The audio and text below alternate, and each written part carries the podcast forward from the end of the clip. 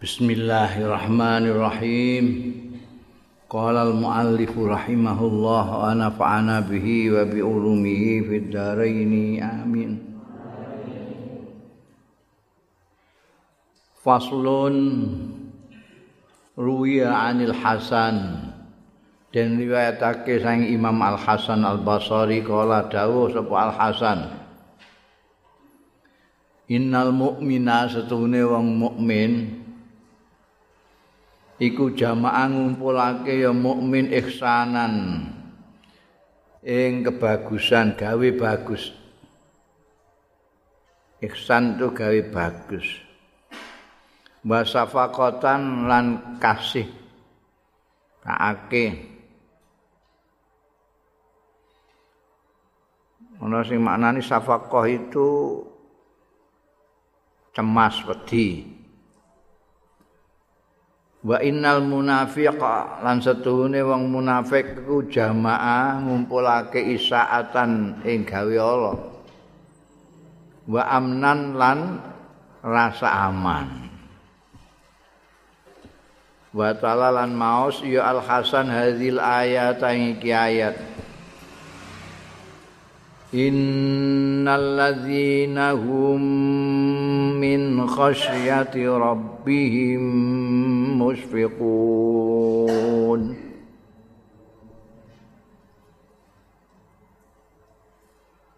وقال المنافق أوتيته على علم عندي. Innal ladzina sak temene wong-wong hum kang utahi alladzina min khasyatil rabbihim saiku saking wedine pangeran musfikuna padha cemas kabeh. Waqalal munafik sementara Gusti Allah berfirman hikayatan anil munafik uti itu nek ngomong munafik uti itu aku nekani ngono mau ala ilmin indi ing atase pengetahuan indi saka awak ingsun dhewe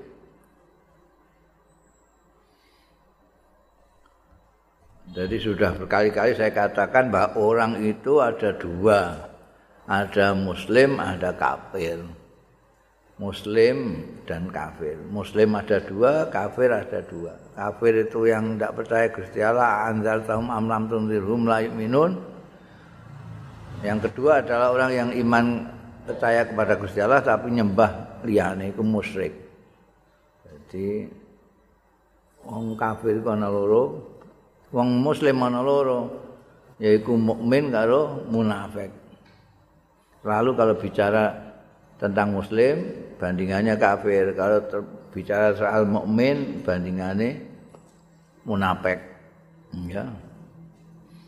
Kene ya dingendikakno nek wong mukmin kuwi cirine dia ngumpulkan kebaikan antara kebaikan dan rasa cemas. Dia berbuat baik banyak itu karena khawatir kalau tidak berbuat baik nanti Gusti Allah duka, Gusti Allah nanti marah tapi turuti lah. Lalu cemas. Sementara orang munafik enggak. Dia berbuat buruk pun dia tenang-tenang saja, merasa aman. Ya, kalau orang orang-orang mukminin itu disebutkan dalam ayat Quran itu mereka orang-orang yang karena takutnya kepada Tuhannya itu mereka selalu cemas.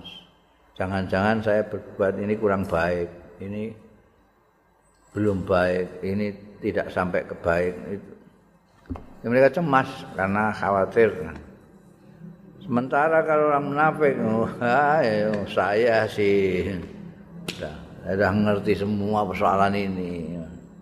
uti itu ala ilmin indi jadi kan omongane Qarun jadi aku duwe kekayaan seperti ini karena saya memang ahli ekonomi pinter dagang pinter sama sekali tidak khawatir dia berbuat apa tidak benar itu. Merasa dirinya mempunyai pengetahuan untuk itu. Wa qala al hasan lan dawuh sapa al hasan ma'ubidallah ora disembah sapa Allah bimislim tulil khaufi kelawan umpamane. Seperti dawaning takut. Mulane wingi kan dia diriwayatkan bahwa Al Hasan itu banyak takutnya kepada Allah Subhanahu wa taala. Ini beliau berpendapat bahwa ma'ubidallah itu lil khauf. ibadah yang paling top itu menurut Al Hasan tidak ada yang melebihi ketakutan khauf pada Allah yang terus menerus yang lama. Jar apa-apa itu khawatir mbek Gusti Allah. Apa-apa khawatir. Iki ngundang tidak berkenan dengan Allah. Jangan-jangan ini tidak diridhoi oleh Allah. Kalau saya begini ini ya meskipun halal tapi kira-kira Gusti Allah piye? Rena ta ora? Ridho apa ora? Selalu khauf. Ini Al-Hasan. Wong munafik gak ngono. Mungkin apa? Tenang, ya, merasa aman itu, merasa aman. Mane ate ana donga iku.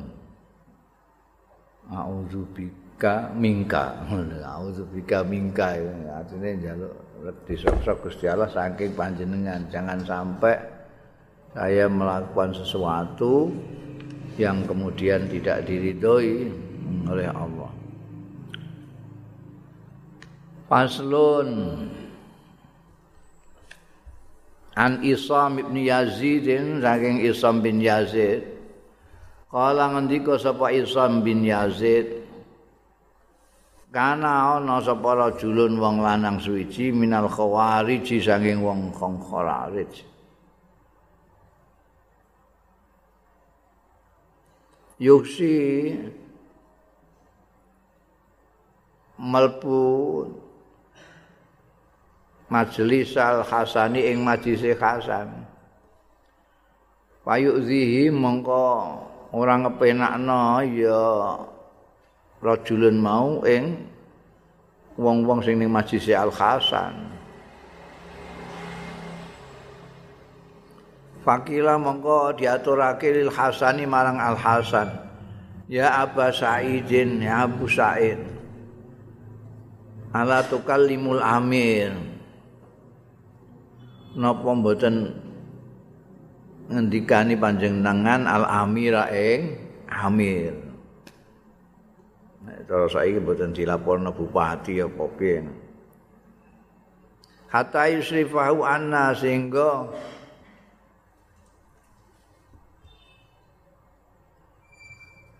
nglungakno ngedohno sapa al amir hu ing rajulun minal khawarid anna saking kita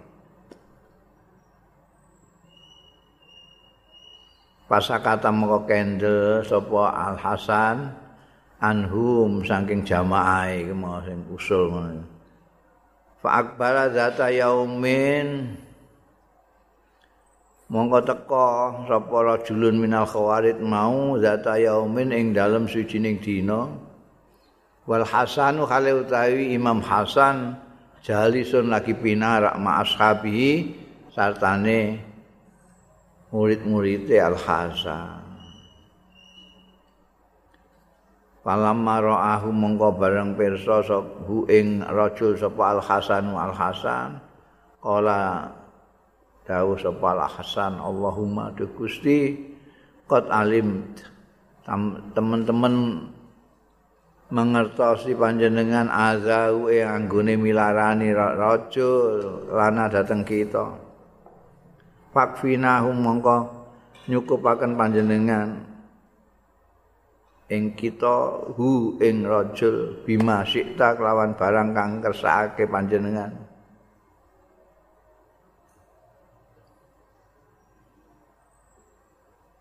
Kala Andika sapa Isam bin Yazid fakharna bil wallahi. Mongko jungkel wallahi demi Allah sapa ar-rajul wong lanang mau mingko mati saking ngadeke rajul fama humila mengko ora digotong ya rajul ila ahlihi marang keluargane rajul illa mayitan kejaba wis mati. Maka al hasan mengko sapa al hasan idza zakarahu? Nalikane eling al hasan ing iku mau rajul sing kena walatnya beliau itu baka nangis sapa Al Hasan. Wa qala lan dawuh sapa Al Hasan Al Bais utahe wong sing cilaka iku makana. Harang Al Bais makana aghrahu billah sing nipu ing Bais billahi kelawan Gusti Allah. Ya Sampai seperti itu Al Hasan Al Basri. Itu merebaknya ada khawarid itu kan mulainya dari zamannya Sayyidina Ali. Jadi Sayyidina Ali itu mau memerangi Muawiyah yang dianggap memberontak karena yang resmi dibiat oleh orang-orang itu adalah Kanjeng eh, Sayyidina Ali sebagai penggantinya Utsman bin Affan. Gubernur yang gubernur di di Syam, Muawiyah bin Abi Sufyan tidak menerima itu.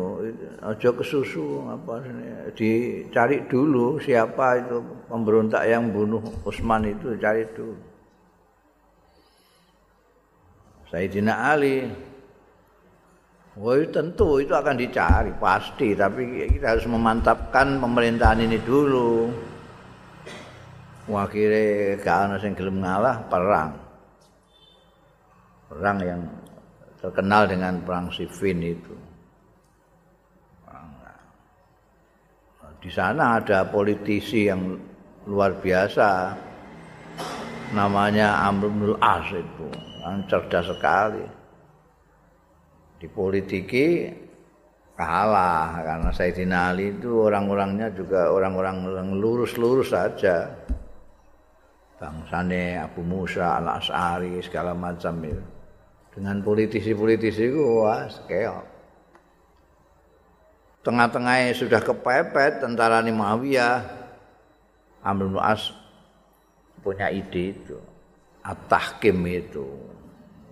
Quran di ngangkat ning tombak-tombak itu kita ingin pakai Quran. Tidak usah perang lagi lah sudah banyak yang menjadi korban. Sekarang kita bicarakan saja baik-baik menggunakan Quran sebagai hakim. Nah, mulai di situ itu sudah menang pihaknya Muawiyah karena di pihak Sayyidina Ali terpecah pendapat itu. Ada yang menyetujui itu, ada yang menganggap ini mesti tipu daya. Wong ini wis kepepet baru mengatakan gitu. Kalau memang anu kan dari awal. Situ ayo, oh nama itu Quran kita harus mau. Pecah lah. Dari situ mulainya. Jadi ini dari anu kubunya Sayyidina Ali. Terus ada golongan yang tetap ketika kemudian ternyata itu tipuan Nah, bener toh, lho. Sayyidina Ali terus apa orang ada yang musuhi itu Sayyidina Ali kan dari rangan terlalu biar itu mesti tipuan. Terus ada orang yang masih ikut Sayyidina Ali belani Sayyidina Ali Syiah ada yang keluar mulai disebut Khawarij keluar itu dengan marah kepada Sayyidina Ali, marah kepada Muawiyah, marah kepada Amr bin As. Akhirnya perkembangannya ideologi ini marah kepada semua orang kecuali dirinya sendiri. Itu Khawarij. Saya ini muncul lagi. orang yang merasa bahwa dirinya sendirilah yang benar, yang lain itu jahanam kabeh. Itu khawarij. Ditenane gampang. Ini orangnya juga bukan orang tidak beribadah, bukan orang tidak tidak Islam, Islam kali. Mereka banyak yang hafal Quran, banyak yang apa namanya buat wireng kakean sujud itu akeh. Tapi itu kalau tidak seperti mereka itu jahanam. Halal darahnya itu yang medeni kan itu. Jadi itu radikalisme itu dari Khawarij ini. Ketika diperangi Sayyidina Ali mereka kocar kacir. Tinggal pimpinannya tiga orang dan mereka sepakat untuk membunuh tiga orang yang dianggap sebagai sumber kekacauan itu. Yang satu akan membunuh Sayyidina Ali, yang satu akan membunuh Muawiyah, yang satu akan membunuh Amr bin As. Yang satu berhasil membunuh Sayyidina Ali, yang dua enggak berhasil. Terus saya berkembang, Khawarij itu berkembang. Saya ya, ISIS barang itu Khawarij itu. Lah iki ning gone Majlis Al Hasan Basri kok ana wong iku. Kowe iku ya gawene ngaco ning kono iku. Nunduk ning kono. Resah kabeh, jamaah Al Hasan ku resah. Mereka wah ini tidak benar ini, tidak benar ini jahanam menurut dewas pokoknya ganggu terus. Nah terus usul dilaporno pemerintah karena wong-wong ngono ambek ambekan Al Hasan kongkon ngelaporno lah ambek pemerintah. Jenengan niku punya Al Hasan itu kan apa nama sangat dihormati, sangat dihargai oleh kepala negara. Kepala negara Umar bin Abdul Aziz. Waktu dinobatkan jadi Amir apa? Amir Mukminin sebagai kepala negara itu saja minta saran pendapat nama Al Hasan sehingga menjadi buku itu nasihat-nasihatnya Al Hasan kepada Umar bin Abdul Aziz. Tapi dilapori ngono gak kersa kan sahabat Al Hasan eh, sahabat-sahabatnya itu artinya murid-muridnya itu mengusulkan untuk ngelaporno ning gone pejabat ndak kersa. Nah, diem saja lah. Eh, bareng sekatu ketika orang itu datang lagi dan ngaco lagi kewetu dadaan beliau itu ndongakno ndongakno ya nek menurut beliau ndongakno ae lek ngono jenengan besok piyambak Gusti menika tiang menika nglarakake jamaah-jamaah mriki sedaya Mugi menawi jenengan kersa dengan cukupaken. Jadi cukupan itu kan kan menghentikan. Lah Al Hasan ya. Iku ora terima wali cilik-cilikan. Langsung begitu selesai ndonga langsung wong khawarij iku njungkel. digawa ahli ini sudah mati dia. Wah itu setiap kali ingat itu Al Hasan itu nangis. Ya Allah merasa menyesal lah karena apa namanya orang itu soalnya menggunakan Gusti Allah di dalam menipu sekalipun itu yang ditipu akan mesti ciloko. Orang dilawan piye dilawan piye mung billah jadi orang khawarij itu sing dienggo anu mesti Gusti Allah terus saya ngene iki dibendu Gusti Allah. Iki gak bener. Gusti Allah gak itu ngono ae. Nganti saiki. Mereka kan gitu. Jadi ngene ngafirno wong, bid'ahno wong, semua itu semuanya dia menggunakan Gusti Allah. Nah, cilaka ta. Sing ora itu meh dilawan piye mesti terus apa nang jenenge ora enak kabeh sing dikonokno iku Ane dari sepanjang sejarah ini wong ahli sunnah wal jamaah itu paling rasa seneng mbek khawarij itu kan. Karena bagi mereka itu hanya ada hitam putih.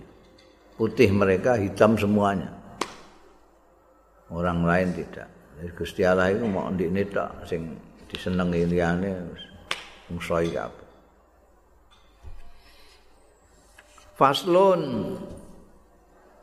Kataba Al Hasan ila Umar bin Al Aziz Abdul Aziz. Ini ya iki ana iki. Iki nulis sapa Al Hasan ila Umar. Maring Said Umar bin Abdul Aziz rahimahullah. Umar bin Abdul Aziz ini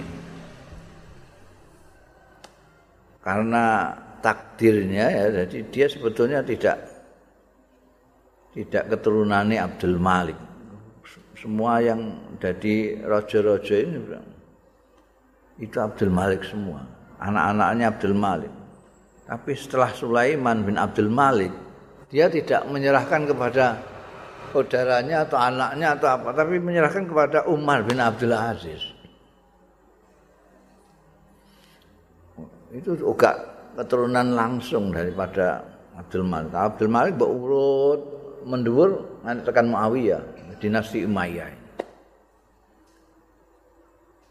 Nah Umar bin Abdul Aziz itu seperti orang-orang dinasti Umayyah semua, orang-orang wah senengane foya-foya.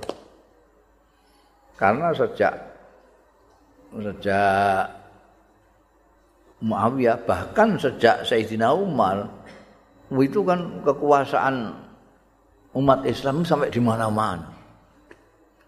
Apa sing jenenge apa jenenge eh fae apa sing jenenge ghanima, apa sing jenenge apa iku sing pajeke wong-wong sing non muslim itu apa jenenge? Apa jenenge?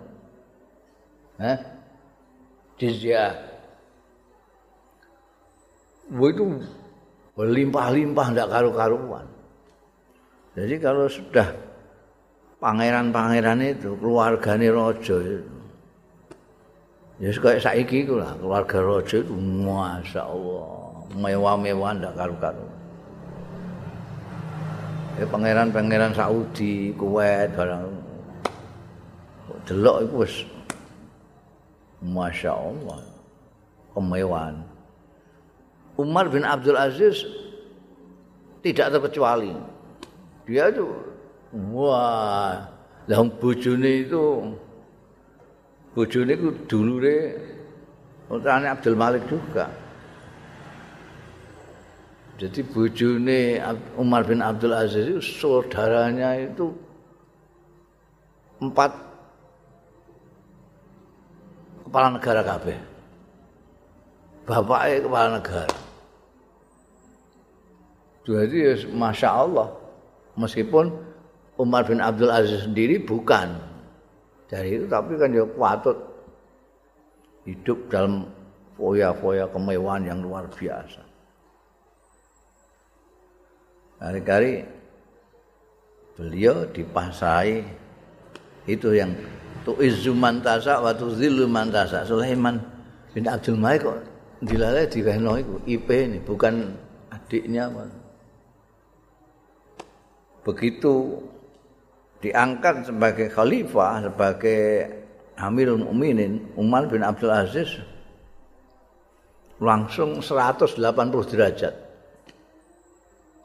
semua kekayaannya ditaruh ke kas negara. Bujune ya nani. Iki aku untuk tanggung jawab urusan umat secara keseluruhan. Kowe melok apa ora?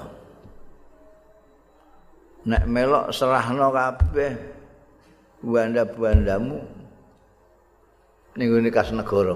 Mergo entuk mumbian ora sak mestine.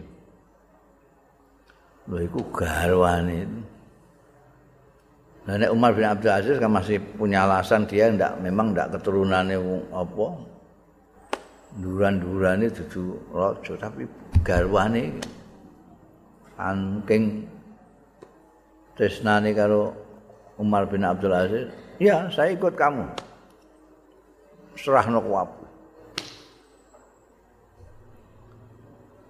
berarti waket kabeh wong-wong kaget. Tapi rakyat jelas sewenenge ra karuan. Wah ini. Ada Umar kedua. Kan dijuluki Umar kedua. Dari Umar bin Khattab.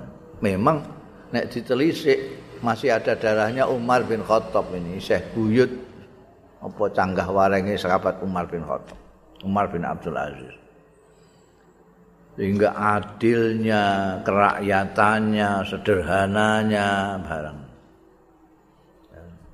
Hingga ketika diangkat menjadi kepala negara minta kepada Hasan Al-Basri alim-alimnya orang Basra pada waktu itu diminta nasihat-nasihatnya. Ini kemudian hari jadi kayak penasehat tidak resmi, nek resmi ya kaya watim pres ngono. Hmm. Kata Abul Hasan ila Umar bin Abdul Aziz rahimahullah. Sakwise alhamdulillah wa syukurillah sak piturute amma ba'du. Amma ba'du fa inna dunya mongko sedene dunya. Iki ngomong ning kepala negara fa inna dunya monggo sedene dunya. Iku dalu zaknin negeri perkampungan yang tidak tetap.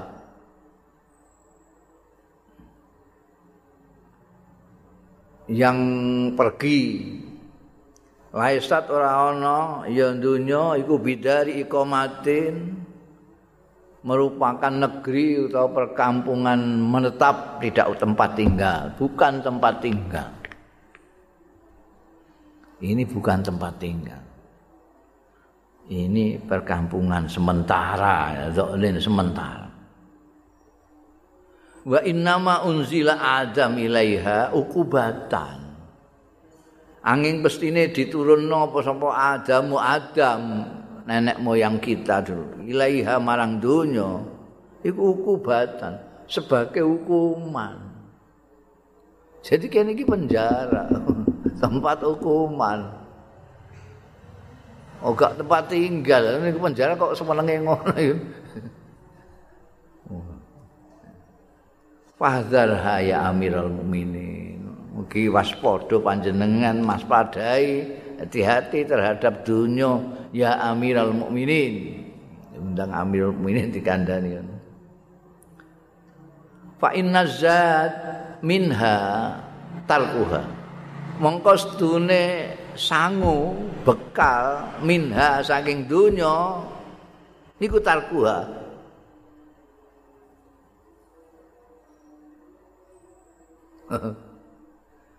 Nek sampean kepengin golek sangu niki mboten tempat tinggal. Ini hotel. Kalau mau pulang mau beli apa-apa sangu, sangune apa? Sangune ya meninggalkan dunia itu. Ora kok numpuk-numpuk dunia ndak. Sangu sangu itu ya meninggalkan dunia itu sangune. Semakin meninggalkan dunia, semakin banyak kamu punya sangu ke sana. Semakin banyak kamu mengumpulkan dunia, Oh, kamu kehilangan sangu kamu. Ning kono payah engko. Wal mutai suke fiha ing dalam dunya iku fakruha. Fakire dunya.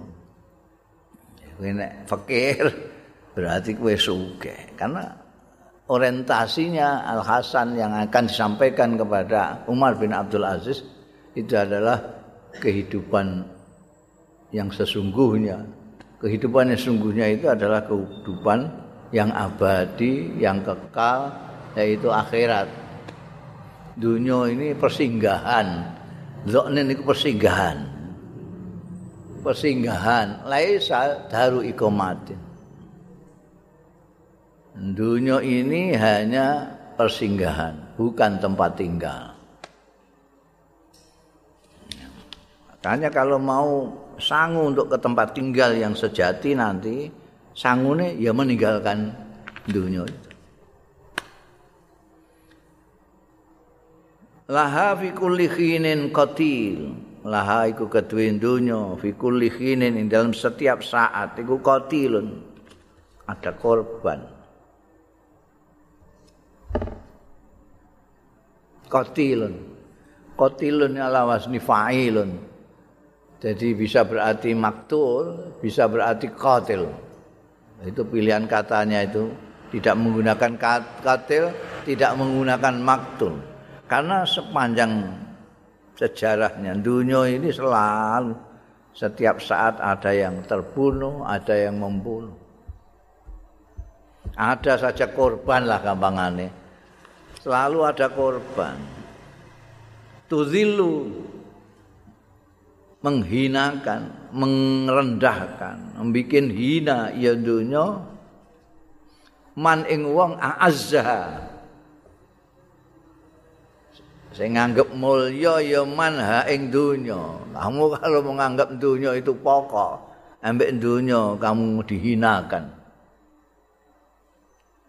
Gimana tidak?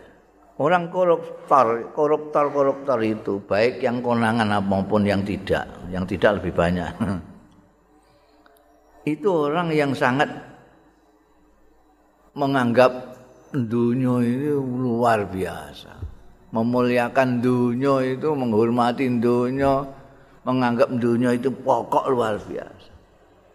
Akhirnya dunia itu yang akan menghinakan dia. Udurung ning akhirat, ning dunia sudah dihinakan oleh dunia. Diklambeni orangnya, dipotrek rono rene. Wina sak keluargane bareng melok. Padahal gak melok korupsi keluargane, tapi melok merasakan soalnya. Melok merasakan dunia itu. Dan merasa bahwa dunia itu hebat. Tuzillu man a'azzaha. Wa tufkiru man jamaah lan dadekno fakir ya donya iku man ing wong jamaah sing ngumpulno. Eh, kok pikir piye? Saya sudah sering mengatakan bahwa ghani yang kita maknani kaya itu itu aslinya maknanya tidak butuh. Kebalikannya fakir Fakir itu makna aslinya membutuhkan. Gusti Allah ghaniyun hamid. Gusti Allah itu tidak membutuhkan apa-apa. Banahnu kita ini makhluknya fukara, membutuhkan apa saja. Ya. Nah, nek dunia itu kata Al Hasan kepada Umar bin Abdul Aziz, dunia itu kelihatannya menggiurkan tapi dia membuat fakir orang yang mengumpulkannya. Semakin kamu mengumpulkan materi dunia semakin kamu butuh dunia. Itu yang disebut pekir. Kamu tambah pekir karena tambah butuh. Dan nek melarat kayak gue ngono ya ora pati butuh apa-apa.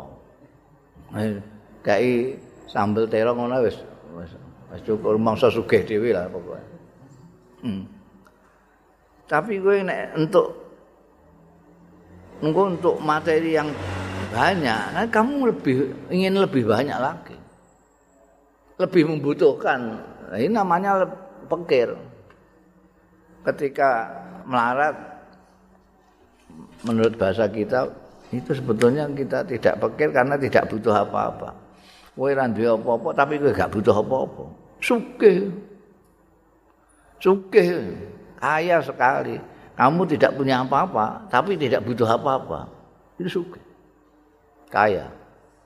Tidak ada yang lebih kaya daripada itu. Nah, orang yang meskipun banyak duitnya, tapi masih butuh terus itu fakir selawase. Makanya ketika saya ditanya wartawan tentang orang-orang yang rumahnya bagus pakai marmer tapi ikut antri apa bantuan langsung tunai itu BLT. Aku ya kondo. Itu orang pekir. Orang pekir itu. Waktu di Kick Endi saya juga begitu. Itu kita itu banyak orang yang pekir di Indonesia ini. Buktinya apa? Buktinya itu ada yang koruptor, korupsi-korupsi. Orang yang pekir itu orang yang membutuhkan. Iya, utai dunia itu kasumi seperti racun. Yakuluhu man layak rifuhu wa huwa khatfuh. Mangan ing sum sapa man wong layak rifuhu sing ora ngenal ya man hu ing sum. Wa huwa khalil taisum iku khatfuhu kematiannya. Dunia itu seperti itu. Kata Al Hasan kepada Amirul Mukminin Umar bin Abdul Aziz. Dunia itu bagaikan racun. Orang yang tidak mengenalnya dia tenang saja makan itu, mengkonsumsi racun itu karena dia kenal sama sekali bahwa itu yang membuat dia mati itu dia tahu. Kebanyakan orang kan Ambek dunia ini tidak kenal. Makanya ada kedebakan sirah tinggal sikil, sikil tinggal sirah untuk mencari, mengejar-ngejar dunia itu. Yang nanti pada saatnya akan membunuh dia. Minimal menyiksa dia. Mempermalukan. Eh, menghinakan. Fakun mongko ana sira ampean dadi fiha ing dalam donya kal mudawi jirahatahu kaya wong sing ngobati jirahatahu ing lukane mudawi yahtami qalilan tarak. Ya mudawi qalilan sedela. Makhafata mayukrahu tawilan. Krana nguwatekake barang yakrahu sing ora demen ya al mudawi tawilan do. Nasihate. Karena dunia itu begitu sifatnya begitu karakternya akan kayak racun yang bisa membunuh maka saya minta Amirul Mukminin itu di dunia ini, di dunia ini seperti halnya orang yang mengobati luka. Yang mengabati luka. Orang yang mengobati luka itu perlu sedikit tarak agar tidak menjadi sakit lama-lama. Tidak merasa sakit lama. Ya aku tak tarak sedelok ben berlama-lama saya tidak suka dengan luka saya ini. Orang tarak kan. Iki aja mbok pakani anu lho. Iki ngono malah ndruwus ini infeksi ini, infeksi. Jadi nek mbok pakani urang barang niku wah malah gatel kabeh engko. Urang senengan kula. Lah iya tarak sedelok ya tami kolilan. Kok nek bubrah-bubrah malah lara kabeh. yahtami qalilan makhamata ma yakrahu tawilan wa yasbiru ala siddatil adza lan sabar ya mudawi ala siddatil adza ing atase buangete lara makhafata tulil bala mergo nguwatirkake suwene bala eh? Wah suntik lara ora. Ora apa-apa. Sabari sedih tabah sedikit lah suntik ae kok. Larane sepiro.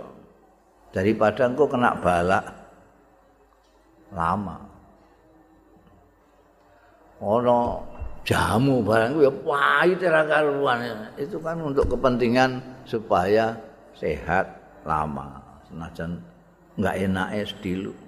Sakitnya sedilu tapi balaknya lama. Pilih mana? Ya tahanlah. Yasbiru ala siddatil adza. Untik lara banget ya. Wis apa-apa. Sabari makhafatatulil balak. Timbangane engko kena balak yang berlarut-larut.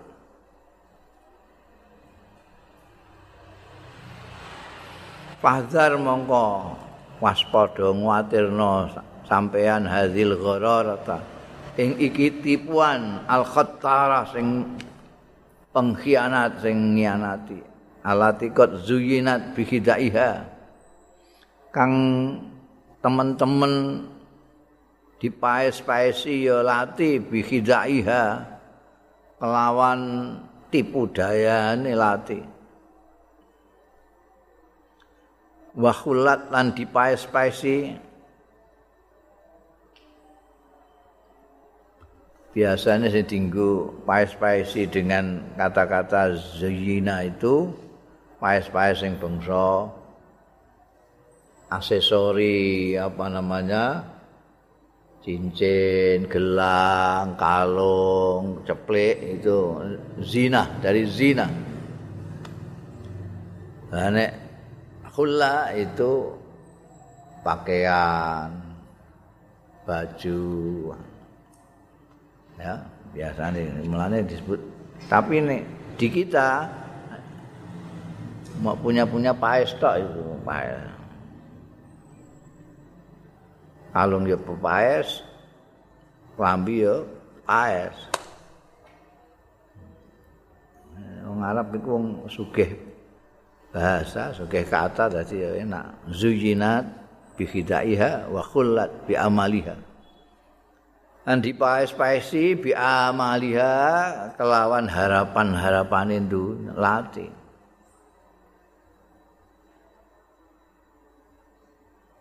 Jadi dunia itu penipu yang sangat apa namanya penipu yang ini bahasa Al-Quran mata ulhuru pena tapi menipu. Mata ulhuru di sini ditandaskan ghararah khatar sudah nipu nidrani juga. Perempuan itu mengumpulkan duit jutaan sudah dapat duit jutaan dibelikan berlian sudah dibelikan berlian ditaruh di sini itu kan ya ketipu banget itu Nah kalau di sini terus siapa yang menikmati indahnya berlian itu? Kan orang lain. Yuk, ceplek mau apa? Berlian itu masah mabir-mabir. Tidak iyalah, aku gak roh. Ditarik-tarik. Yo nganggo kaca. Ya nganggo kaca nek tekani nganten mosok nggo kaca terus ae ngene. Berarti bikin rumah model Spanyol, Manolan. Wah, istilah wong desa-desa itu. Rumah model sinetron. Mereka angker sinetron itu mesti menampilkan rumah yang bagus-bagus. Rumah silian. Silian untuk syuting tok itu. Rumah sana wong sing delok ning kene, masane ku omahe dhewe. Ya mesti bingung kowe. Iku penggaweane apa? Sinetron itu gak jelas penggaweane, aktornya kan gak jelas. Pemainnya itu penggaweane apa gak jelas, tapi ini duwe mobil, omahe apik, anake yo nggawe mobil. Nek sing gawe film itu. Eh, balul. Ora dikandakno nyambut gaene apa sugahe ngono. Omahe terus niru gawe omah sinetron.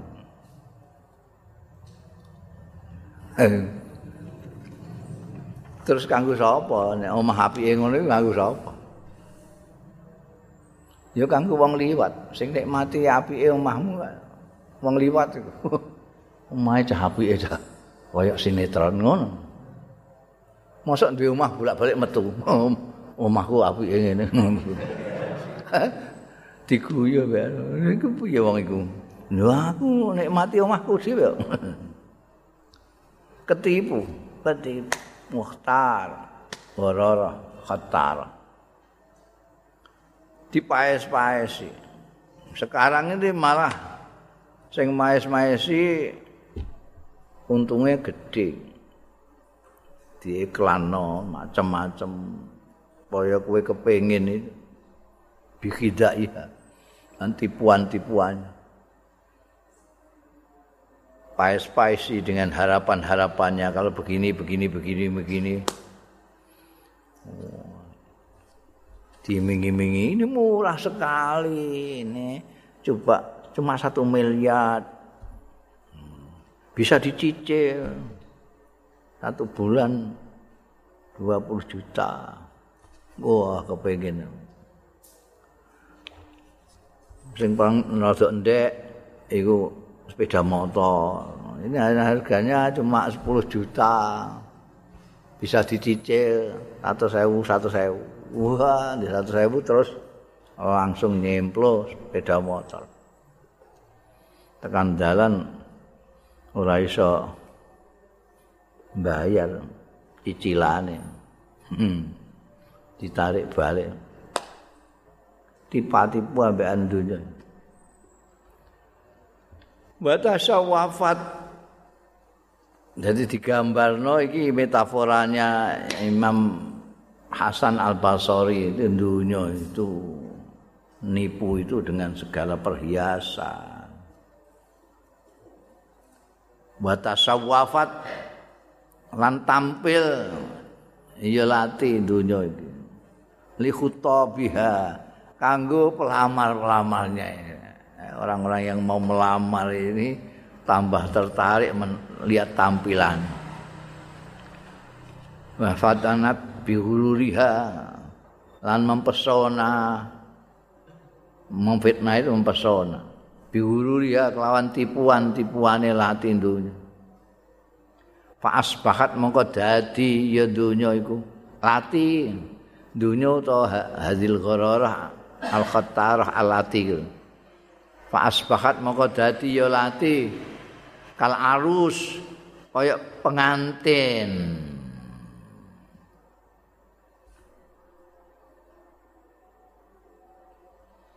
kal arus kaya de penganten al majlui kang ditampilkan ning padi-padi ngono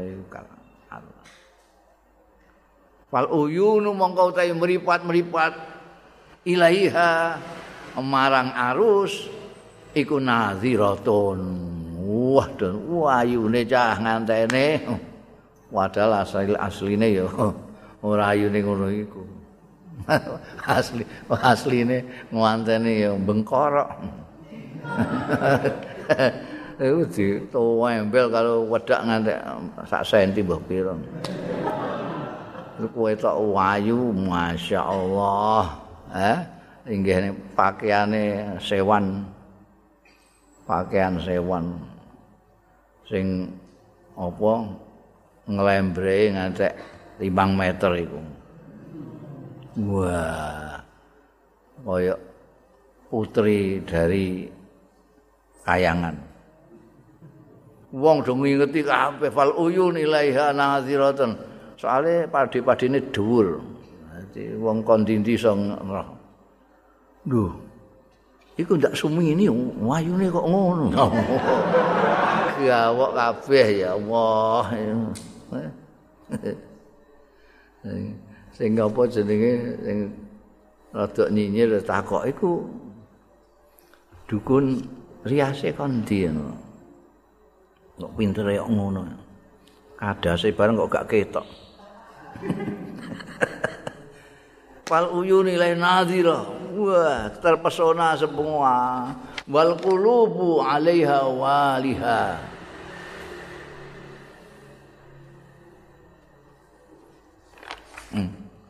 Lan pira-pira ati alaiha ing atase arus. Iku walihatun itu ngandrung. Waliha itu rasa piye lho ning gone ati. Wong ayune ngono? Masyaallah. Iku bejo tenan iku sing lanang iku masyaallah. Mbok engko delok engkas dipegat mono iku waliha jadi itu menimbulkan banyak rangsangan kepada yang melihat itu karena dipaesi sedemikian rupa. Itu, itu Al Hasan gambarno dunia itu kayak gitu. Kowe tertarik banget kayak tertarik karo nganten iki mau. Nganten ayune ngono. Ya ngerti kowe bareng sesuk. Duh, rupane kok ngono. Asemene kok kowe bojone kaget.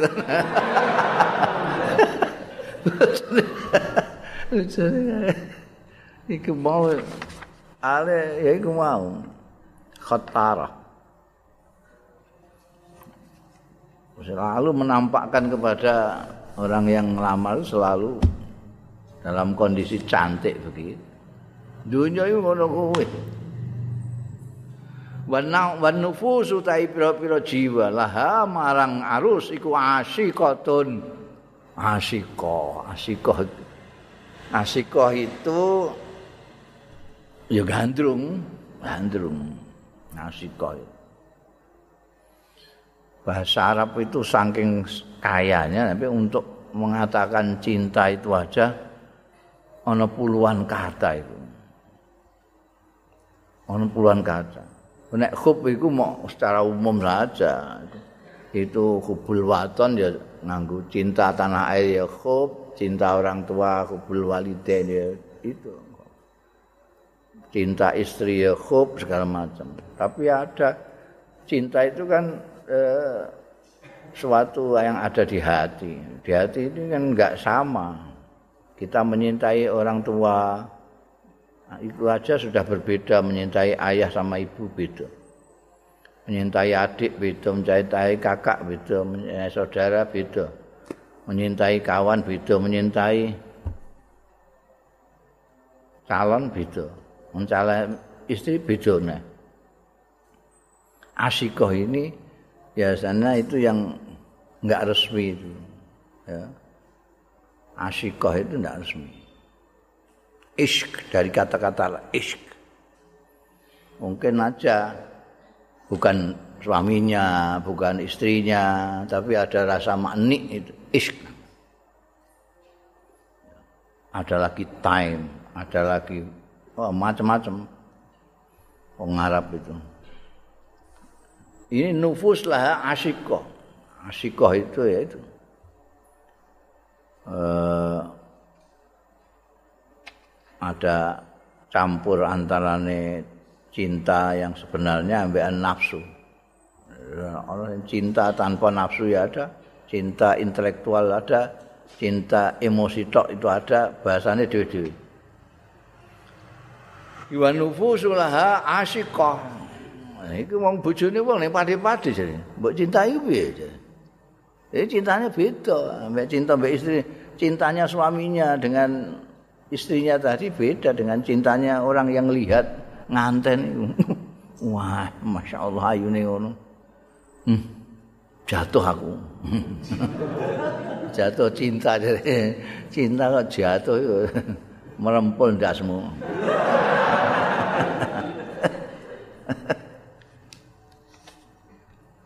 wahia utawi arus di azwaji barang bojo-bojo ne bojo-bojo ne arus kulluhum kullihim sekabiane azwaji qatilah Wis ah. Mesti mateni. Itu yang gambarnya itu dunia itu kayak perempuan yang ya perempuan mana saja yang selalu membuat suaminya terbunuh. Uluhum kok itulah. Mereka terbunuh semua. Oleh dunia ini. Arti kalau kamu terlalu menyintai dunia kayak menyintainya suami terhadap istri alamat kowe. Alamat. Kowe engko dipateni karo bojomu itu karena tipu dayanya bojomu luar biasa. Durung ketemu kowe macake kaya ngono kae barang ketemu kowe ketok asline. Panune gemblek kowe iku wis rada semaput lah. Ora panune tok semaput. Iki peta dunia kok ning kene. Iku wis akeh kedadean suami yang mati oleh istrinya itu. Karena kelakuan istrinya itu memang hanya palsu saja itu tadi. Dunia itu diibaratkan seperti itu, wanita yang palsu yang setelah mendapatkan suami terus suaminya pateni. Lungun iku ya falal baki bil muktabir. mongko ora ana sapa sing keri bil kelawan sing dhisik bimuk tabirun iku mengambil pelajaran mesti ini kalau sudah ada yang mati kamu kudu harus hati-hati loh iki hati-hati loh iki berbahaya itu cakep cantik tapi gini-gini gini mesti ini sing guri iki lihat yang mati. Iku kancamu sing biyen iku ngene-ngene lho. Iki gak. Ya tetep ngono ae nganti saiki. Semua orang menyintai dunia tanpa mikir kemarin itu dunia ini sudah berapa korbannya yang terbunuh juga dipelajari. Walal akhir alal awal musdajir. Lan ora ana sapa sing akhir alal awal ing arase sing pertama iku musdajir. Ter musdajir ku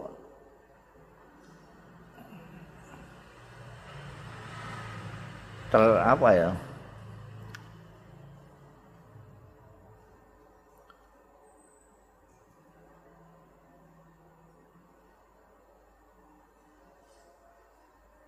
Mulu aku nek ngono aku ngono iku. Ya sedajir itu ngeluani gitu, ngelungani, anu, menghindar. Mustajir menghindar. Balal akhir alal awali mustajir menghindar. Wong ndikne tiba akhir, sing awal wis karuan ngono lho, ketipu ngono. Lho iki kok ora nyingkrih ya. Saya tetep ning kono iku piye? Itu hebatnya dunia kan di situ. Dari dulu itu orang ketipu dunia kan sudah berkali-kali. Orang yang belakangan melihat yang dulu-dulu itu hancur gara-gara harta itu kan banyak sekali. Negara-negara Islam itu yang usaiki emeh di ana sing kepengin mengembalikan kekhalifahan segala macam. Mereka tidak mengerti kekhalifahan itu. Mereka kalau mempelajari itu, naik ngaji tentang khalifah-khalifah, mereka akan tahu. Mereka itu hancur semua banyak yang hancur. Sampai sekarang habis. Itu karena harta dunia. Dunia. tidak dibayar no itu kanjeng zaman kanjeng nabi sampai khulafa urasidin. Tidak ada itu. Bariku wis dunia tak ya gelem mempelajari itu. Ya, ngerti. Iki dunia iki sing menyebabkan. Sampai akhirnya dari berkuasa ke timur ke barat begitu terus akhirnya jadi jajahan kabeh Tidak ada yang tidak jajah. Indonesia dijajah Londo, Malaysia dijajah Ing, dijajah Inggris, Pakistan jajah Inggris, Mesir jajah Prancis. Wes jajahan kabeh. Mereka. Padahal mbiyen Eropa kene barang itu dijajah wong Islam. walike. Ketika mereka itu seneng dunia, dijajah wong Islam. Wong Islam seneng dunia, dijajah mereka. Ini mbok baleni neh ya. Jenenge ora muktabir. Ora menggunakan yang dulu-dulu sebagai pelajaran. Walal arif billahina barahu anha muddakir. Lan ora sapa al arif billah sing kenal Gusti Allah sih kina akhbarahu nalikane ngabari ing ing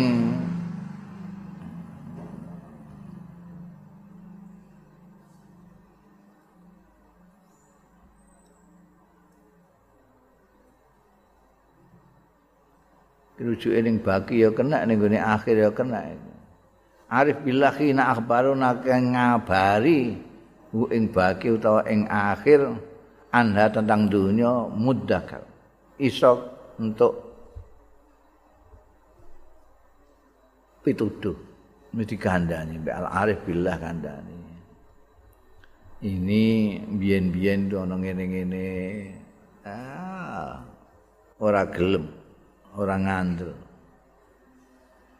fa'asikun laha qad zafara minha bi hajati fakhtarra wa taha mongko utahe wong sing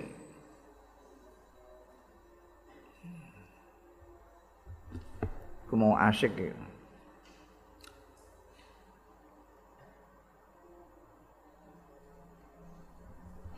Bahasa Jawa menawa ya ana kok. Ya akeh juga ya. Fa'asikun mongko utahe wong sing kedanan gandrung itu. Gandrung kedanan laha marang dunya. Fa'asikun laha qad zahafa qad zafara kang teman-teman berhasil minha saking dunya. Mekoleh minha saking dunya. Bi hajati kelawan hajati asik. Fakhtar mongko tertipu ya asik. Wa lan lacut sapa asik mereka ketika berhasil mendapatkan dunia wah merasa paling hebat. Terus sembarang dengah dituku sembarang dengah dilawan sembarang dengah ditabrak toh wa nasyal ma'at lan lali sama asik yang berhasil ning dunia mau lali al ma'at ing tempat kembali. Kamu lali tempat kembalinya ke mana? Kamu kok wah merasa hebat karena berhasil kaya raya segala macam bisa dibeli. Apa bisa dibeli ngantek jabatan bisa dibeli hukum bisa dibeli segala macam. Ya lupa nanti kembalimu ke mana wa sakhala fi lubuhu hatta zallat anhu qadamahu. An ketungkul fiha ing dalam dunya polubu atine asik. Kata zallat anhu qadamuhu. Sehingga kepleset anhu saking asik apa qadamuhu dilamaane asik. Wa azumat nadamatuhu lan gedhe apa nadamatuhu penyesalane getune asik wa kasurat lan akeh apa hasaratuhu kekecewaane asik wajtama'atan ngumpul alaihi ing atase asik apa sakaratul maut. Apa sakaratul maut? Bi alamihi kelawan laraning maut. Wa khasaratil faut lan kekecewaane ketinggalan. Tinggalan kok. Kayak mau kok dunya kayak wingi kok mulai cilik kok dunya terus saya nanti ketinggalan ora iso untuk akhirat blas. Khasaratil faut itu ngono. Bi ghusatihi kelawan kelolote faut itu mati itu oh oh oh anak merasa durung sempurna amal baiknya. Sudah sakaratul maut. Fazahabat bikamdihi fazahabat. Mongko lunga sakarat maut bikamdihi sakarat no.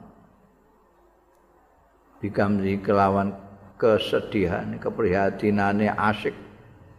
Palam yudrak minha ma talab mongko ora iso dicapai minha saking dunya apa barang. Ta falam yudrik ora iso nututi sapa asik minha saking dunyane mau ing barang tolaba kang nuprih ya asik wis ora iso. Walam yuwar walam yurawih nafsu minat ta'ab lan ora iso ngepenakno ya asik nafsu ing awak dhewe ne asik minat ta'ab saking kepayahan. Pakharaja mongko metu saka donya iki sapa asik bi ghairi zatin kelawan tanpa sangu. Wa qadima ala ghairi mihad lan teka ing atase liyane tempat istirahat. Fahdharha mongko waspadalah jenengan ing dunya ya amiral mukminin. Wa kun lan wonten panjenengan iku asara mataku fiha. Ora usah kebanget dengan mawon takuno ana sira fiha ing dalem donya ora usah sakwanane kun asal iku ana sing luweh sakanane ae mataku fiha. Dan itu betul-betul diugemi kalau Umar bin Abdul Aziz nasihatnya beliau tidak apa namanya wis ora umum lah orang umum, orang dari Bani Umayyah tapi zuhudnya seperti Umar bin Abdul Aziz tidak ada. Ikhtar mataku nulah. Sampean nguatosakan. Hati-hati main barang takunu kang wonten panjenengan lah kedua dunya. Fa inna sahibat dunya mongko stai mongko setuhune sing wong sing duweni dunya. Ulamat ma'anna minha ila sururin asqasa ila makruhin. Mongko setune wong sing duweni donya sing ahli donya ulamat ma'anna semong-semongso tenang ya sahibud dunya minha saking donya merasa nyaman dengan donya ila sururin marang kegembiraan. Asqasau mongko. Eh duduhake langsung asqasau askhasau ketenangane mau hu ing sahibud dunya ila makruhin maring sesuatu yang tidak disukainya. Begitu dia merasa tenang. Gembira-gembira tahu-tahu ada sesuatu yang tidak mengenakkan. Apa? Usahane bangkrut. Apa? Bojone mati apa? Ndekne dhewe mati. Fasaru fiya bi ahli ghar mongko ta wong sing senang-senang fiha ing dalam dunia bi ahli kelawan ahline dunya ghar niku ketipu. Wan nafi'u fiha godan darun utahe wong sing manfaatake.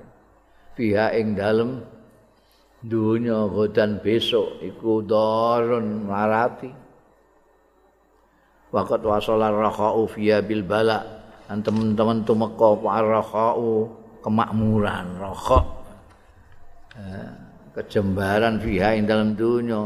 Bil balai kelawan bala bencana wa ja'alal baqa fiha ilal fana. Lan dadi apa al baqa tetep fiha ing dalam dunya ilal fana'in marang kehancuran fana. Fasururuha mongko tae gembirane donya iku masubun bil huzn bil hazani utawa bil khuzni fasururuha mongko tae kegembiraane donya iku masudun kegembiraan duniawi. Iku masubun bercampur bil hazani utawa bil khuzni kelawan kesedihan. Sah ditanya kegembiraan dunia itu selalu bercampur dengan kesedihan. Layar si minha ora bali minha. Saking dunya mawal la adbar mawal barang kang nguasani ya. Wong paat bar mongko mungkur ya wong. Wala yadri lan ora ngerti sapa wong. Wong sing sing ning gone dunya mung ndi rujuke ning gone. Asik ya iso pasaru ya iso.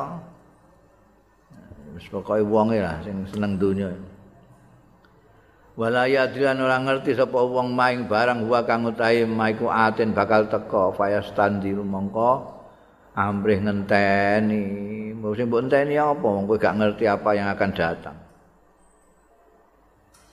Amaniha utawi eh?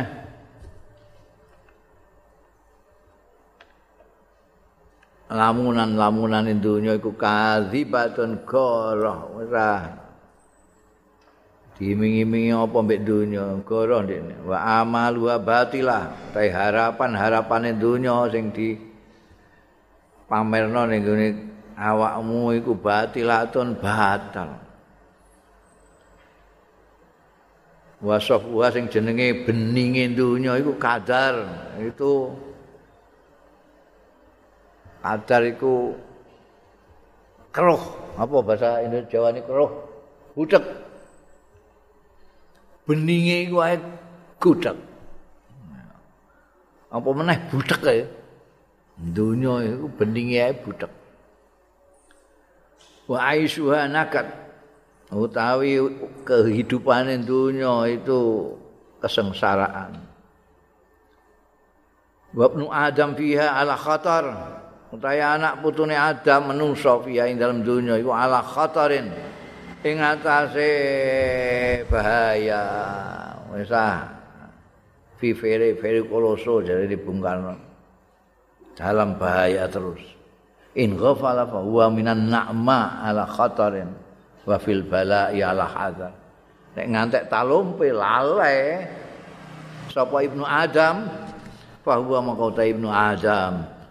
Minan nakma isangking kenikmatan kenikmatan ala khatarin ing atase bahaya wa fil balai lan ing dalem.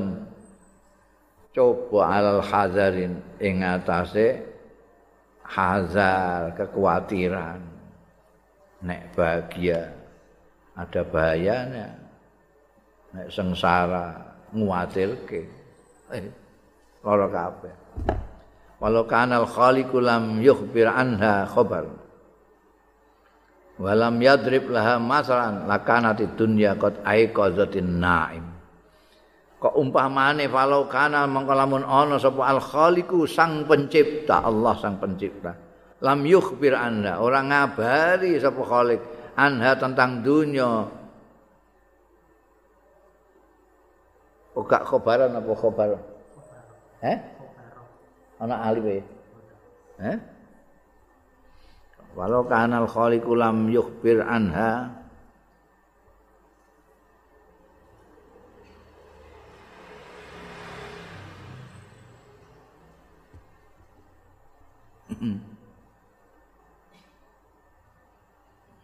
Iku ana sing kurang nek khabar. Walau kana lamun ana sapa al khaliqu Gusti Allah sing stang zat pencipta lam yukhbir ora ngabari al khaliq anha tentang dunya.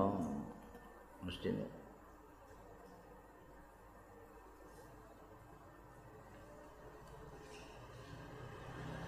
mestine iku khobaran. Kowe tulisi penggiri ala sawab khobaran kurang alim kalau seandainya sang pencipta tidak memberi kabar sedikit pun tidak mengabari tentang dunia tidak ada ya ngabari. Andainya. Walam yadrib laha masalah. Lan ora gawe sapa al khaliq laha kanggo donya masalah ing conto. Ning kene ana masalah ora masalun.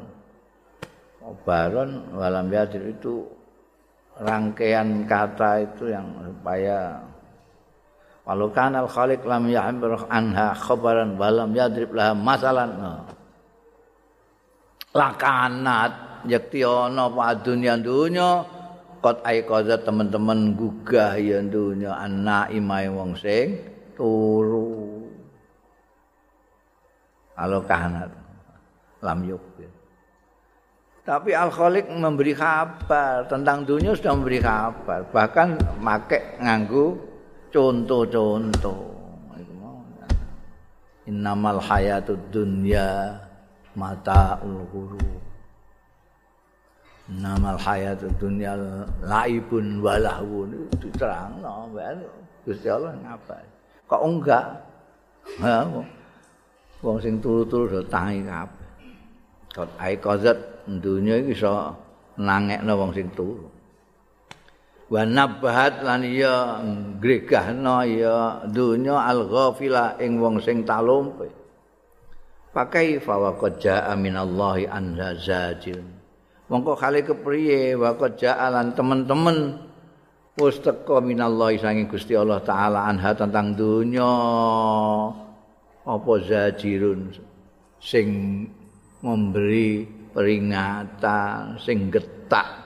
Aja percaya dunya. Wa fihalan iku ing dalam dunya waizun wong sing nasekati. Pamalah mongko ora ana lah keduwe donya indallahi ana ngarsane Gusti Allah. Qadrun wala waznun. Tidak ada nilai wala wasdun ora ana timbangan dunya ndak ada apa-apanya wala nazarun ilaiha munzu khalqiha lan ora mirsani sapa Allah ilahi marang donya munzu khalqihan sejak nitahake donya iki Gusti Allah wis ora geduka mbek donya iki. Eh donya iki enggak ada artinya bagi Allah taala. Kecil enggak ada timbangannya enggak ada. Bahkan sejak menciptakan Gusti Allah tidak melihat apa-apa melihat dunia enggak ada memang tidak ada apa-apanya. Mau delok nih gue peta dunia alam semesta, bolak-balik aku nganjurno kowe ndelok ning gone YouTube itu loh. Dengan kunci bumi, al-art, art. Nanti kan tahu bahwa bumi yang mbok gede-gede no iki ndak ada. Ndak ada. Tapi komplit. Mau apa Bima Sakti tok.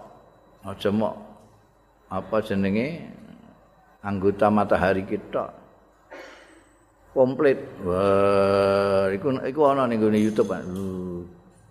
Iku lagi ana matahari ae. Bumi wis ketok cuwilik banget.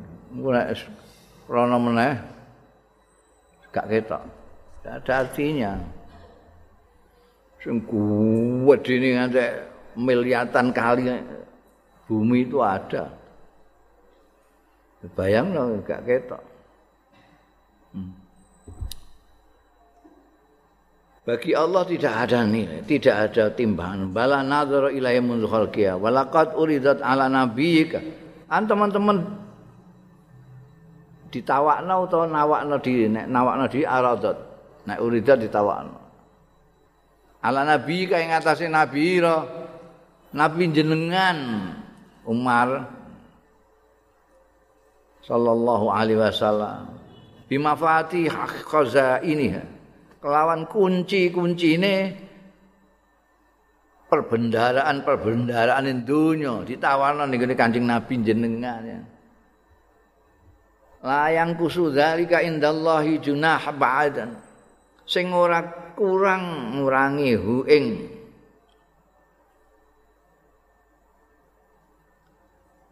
Nabi ka sallallahu alaihi wasallam apa zalika mengkono-mengkono indallahi munggu Gusti Allah. Layang kusuhu zalika indallahi apa junahu ba'udatin. Iku tak iku dudu hak ba'udatin. Tak sayapnya nyamuk. Apa kok? Mongko ora kersa ya nabi uka ayak balah yen to nampa sapa nabi uka ing mafati khazaini kanjeng nabimu kanjeng nabi Muhammad sallallahu alaihi wasallam. Ditawarin ditawari kunci-kunci donya ini.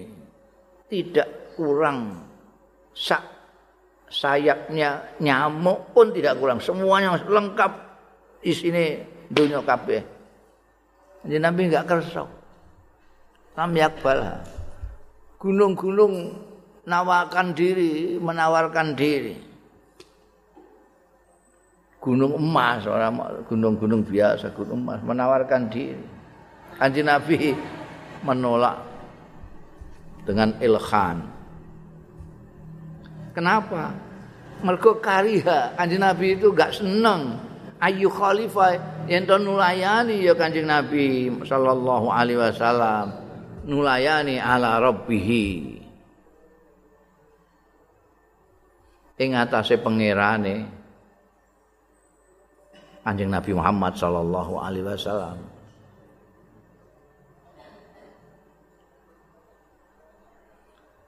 Gusti Allah enggak suka dengan dunia, Kanjeng Nabi enggak suka. Ayu khalifah ala rabbi amrahu ing perintahe rabbi. Au yuhib ma abghad khaliqu.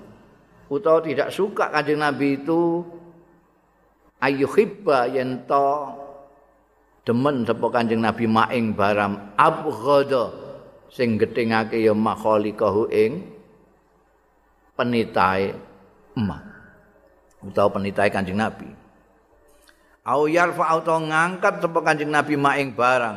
Wa doa sing nyelehake sapa rabbihi sapa malikuhu.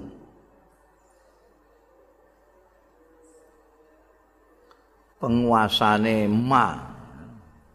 Maliku.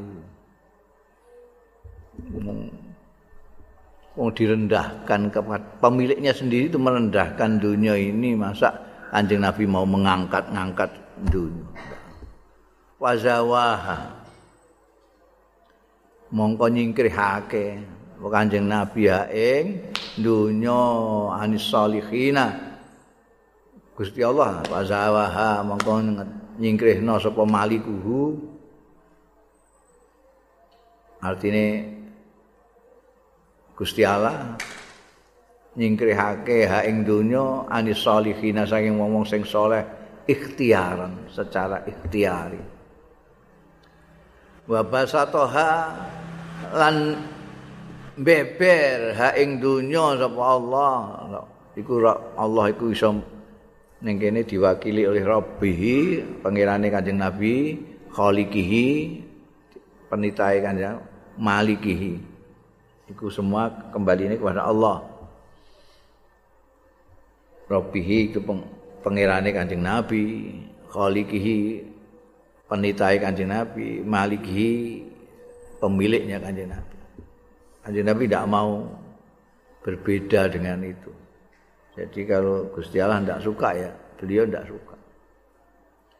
Dan Allah menjauhkan orang-orang yang soleh secara ikhtiaran wa basata li a'dai ikhtiraran lan beber ing donya li a'dai kanggo musuh-musuhe Allah utawa maliki utawa khaliki utawa rabbi ikhtiraran sebagai ikhtirar ketertipuan. Beber musuh-musuhe itu tidak sadar mereka menyukai itu. Au qala ikhtiaran Jadi apa jenenge? Au iki ning kene au syakun minar rawi Ikhtiraran atau ikhtiaran juga. Anis salihina ikhtiaran wa basataha li a'daihi ikhtiaran. Tapi kita kok enak ikhtiraran ini. Tapi ya itu amanatun nakli selalu dicantumkan itu kalau rawinya ragu ya tetap di dikemukakan ikhtiraran au qala ikhtiaran. Apakah Al Hasan mengucapkan li a'dai ikhtiraran atau li a'dai ikhtiaran itu ragu-ragu? Wa yazunnul maghrur biha al muqtadir alaihi annahu akrama biha. Mongko nyono yakin sapa al maghrur wong yang tertipu biya kelawan dunya al muqtadiru sing iso nguasani alaiha ing atase donya annahu stune pangeran pangeran iku akrama lagi mulyakno biha kelawan dunya iku mau wah orang-orang yang tertipu mahrur itu orang yang tertipu yang mendapatkan dunia pirang-pirang itu merasa wah Gusti Allah memuliakan saya dengan kekayaan yang berlimpah-limpah. Di rumah sana dimuliakan Gusti Allah. Wa nasiya masona. Dan lupa sapa al maghrur mau begitu dia dapat dunia pirang-pirang itu merasa dimuliakan Gusti Allah. Wah, kemurahan Tuhan kepada saya luar biasa. Saya hidup saya senang, segala macam saya punya. Rumah saya 16, mobil saya 17 istri saya mbok pira bojone wa nasialan lali sapa al maghrur ma ing barang sona Allahu kang gawe sapa Allah bi Muhammadin kelawan Kanjeng Nabi Muhammad sallallahu alaihi wasallam. Kina ya sudul hajar delok iki raja raja sing didhawuhi ambekan Al Hasan iki raja. Wani kowe muni ngono mbek Jokowi. Kina ya sudul hajar nalikane naleni sapa Kanjeng Nabi Muhammad sallallahu alaihi wasallam? Al hajar ing watu ala batni ing atase padarane Kanjeng Rasul sallallahu alaihi wasallam. Yo lali wong iku. Lah nek kono dimulyakake Gusti Allah dikai pandunya semono akeh. Mungso dikai kemurahan Gusti Allah dimulyakake Gusti Allah mergo dunyamu pirang-pirang. Itu kanjeng Nabi gak dimuliakan. Nabi ora terima melarang. Sehari dua hari gak makan itu udah biasa. Sampai waktu di talekno ning gone padaran. Walakad ja'ati riwayat lan yakti teman-teman teko apa riwayat riwayat anillahi azza wa jalla saing Gusti Allah azza wa jalla annahu qala li Musa anna ustune Gusti Allah Azza wa Jalla iku kala dawuh sapa Gusti Allah Azza wa Jalla li Musa marang Nabi Musa alaihi salam. Idza ra'aita al-ghaniya tatkalane weruh sira al-ghaniya ing wong sugih mobilan kang madhep. Fakul mongko ngucap sira. Zambun iku dosa. Ujilat sing dicepetake apa ukubatuhu siksane zambu kowe roh kok wong sugih mara ning awakmu kandakan iku mono dosa sing dicepetno hukumane ngene. Jadi kekayaan itu merupakan hukuman. Ya Allah hukuman. Kekak hukuman piye? Ini loro Dengan kekayaan itu urusane gak karu-karuan banyaknya itu.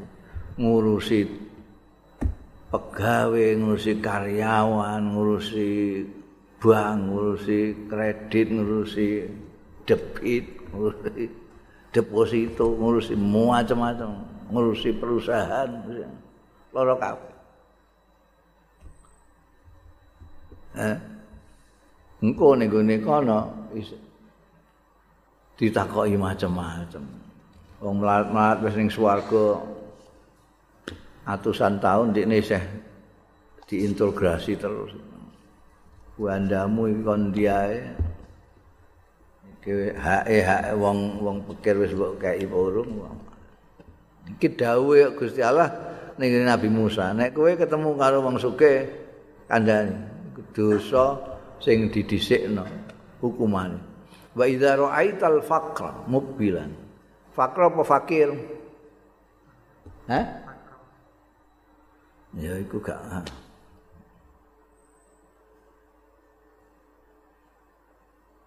Hmm, gak ana anune neh wong wae kowe iki wis padha karo wae iku saiki iki nek dik mau ghaniyun iki ya nah iki supaya imbang gitu loh. Idza ra'aital ghani terus sing dibok tingali ku ya wonge ora kok sifate fakru itu kan kemelaratan. Melihat kemelaratan itu piye? Melihat itu orang yang melarat. Jadi kayak neh kono cawang neh iki kok dilalah aku wis kitab anyar barang ya isih ae ya Allah Eh? Dingi dingi gak ngono. Wa idza ra'aital faqra iku ning pinggir kae itu la Allah sawab al faqir. Dadi wa idza ra'ait al fakira mukbilan iku kudu gawe ala swab lho iki soal iki riwayat tentang Gusti Allah dawuh ning Nabi Musa iki Nek kowe ningali kosok wangsule mesti ngono. Idza ra'aita al-fakir kalane kowe ningali wong pekir mobilan madhep fakul mongko ngucap sira marhaban selamat datang bisi aris solihin kelawan siare wong-wong saleh saleh. Asal usule siar itu pakaian yang dalam ini gitu. wa in syi'ta saiki syiar dimaknani simbol ya. Wa in syi'ta lamun karep sira.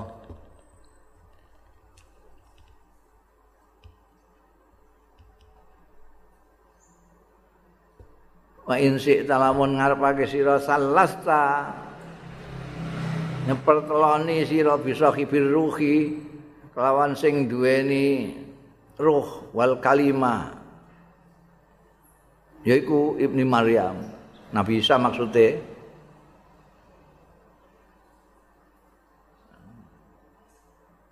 kepengen iku mau apa Kanjeng Nabi Muhammad sallallahu alaihi wasallam.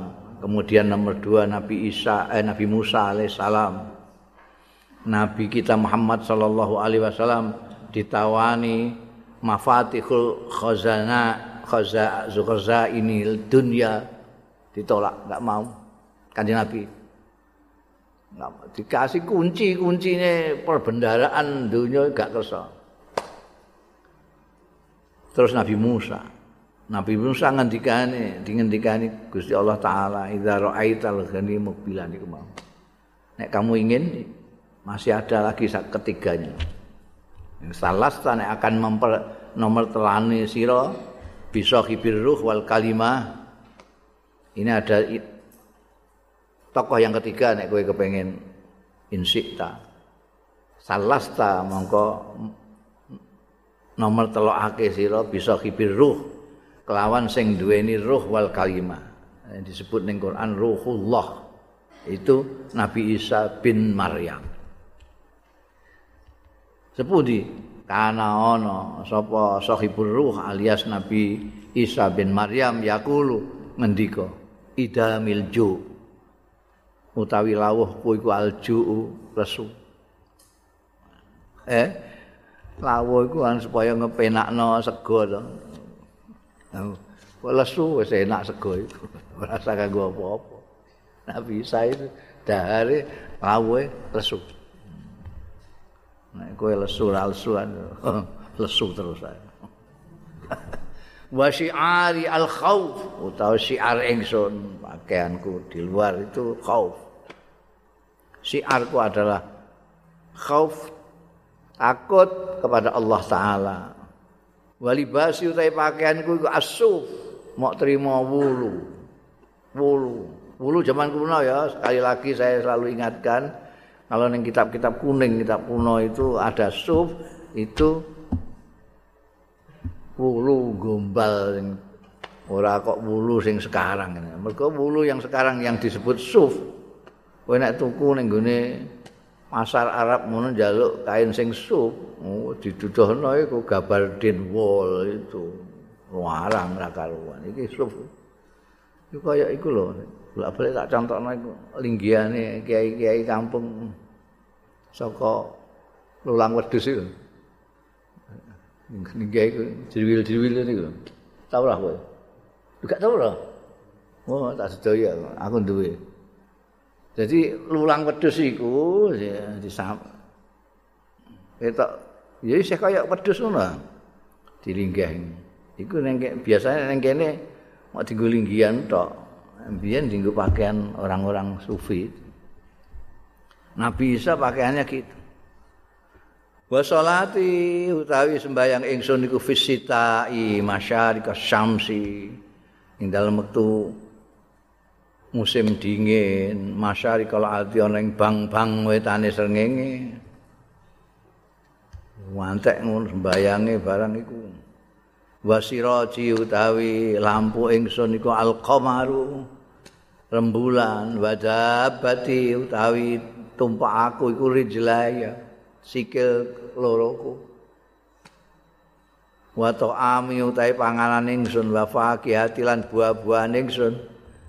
Iku ma'ambatat barang kering nukulake apal ardu tanah eh ana sing jenenge ngrawat iku. Dadi ana istilah ngrawat iku nabi Isa. Nabi Isa itu pakanane ma'ambatatil ard. Saka krawat-krawat itu. Apa jenenge iku sing merambat ning isor Masya lawe lapar syiarnya khauf pakaiannya sub. Ya salat itu fisita bareng masyakir masyams terus menurut lampune cukup rembulan. Nek bengi kepengin maca ya ning padangan rembulan. Tumpakane sikil loro akanane ngrawat. Abi itu nginep sapa ingsun bengi-bengi sapa ingsun walai salan ora ana li ku keduwe ingsun apa saeun sesuatu saiki wong gak iso turu nek durung nyiapno sarapan sak piturute eh sesuk mangan apa lawe apa. Abi saya itu bengi gak ndek apa-apa. Wa usbiku laisa alal ardi ahadun aghna minni. Lan isu-isuan sapa ingsun? Laisa alal ardi ra ana ing atase bumi iki apa ahadun wong suwiji aghna sing luwih sugih minni timbang ingsun wis kowe ngono kuwi bengi ora ndek apa-apa arep sare gak ndek apa isuk rumangsa paling sugih sak donya akeh dhewe. Duwe lampu ning dhuwur. Duwe kendaraan ning karek langsung ngono ae ora usah nyetater barang. Wong kendaraane sikil ya ora ngolahi barang. Mbak sepeda onda wis ngolahi. Iki langsung pengen nanti rut menaik berangkat. Hmm, sukeh cewek. Faslun ruya anil Hasan wallahu a'lam.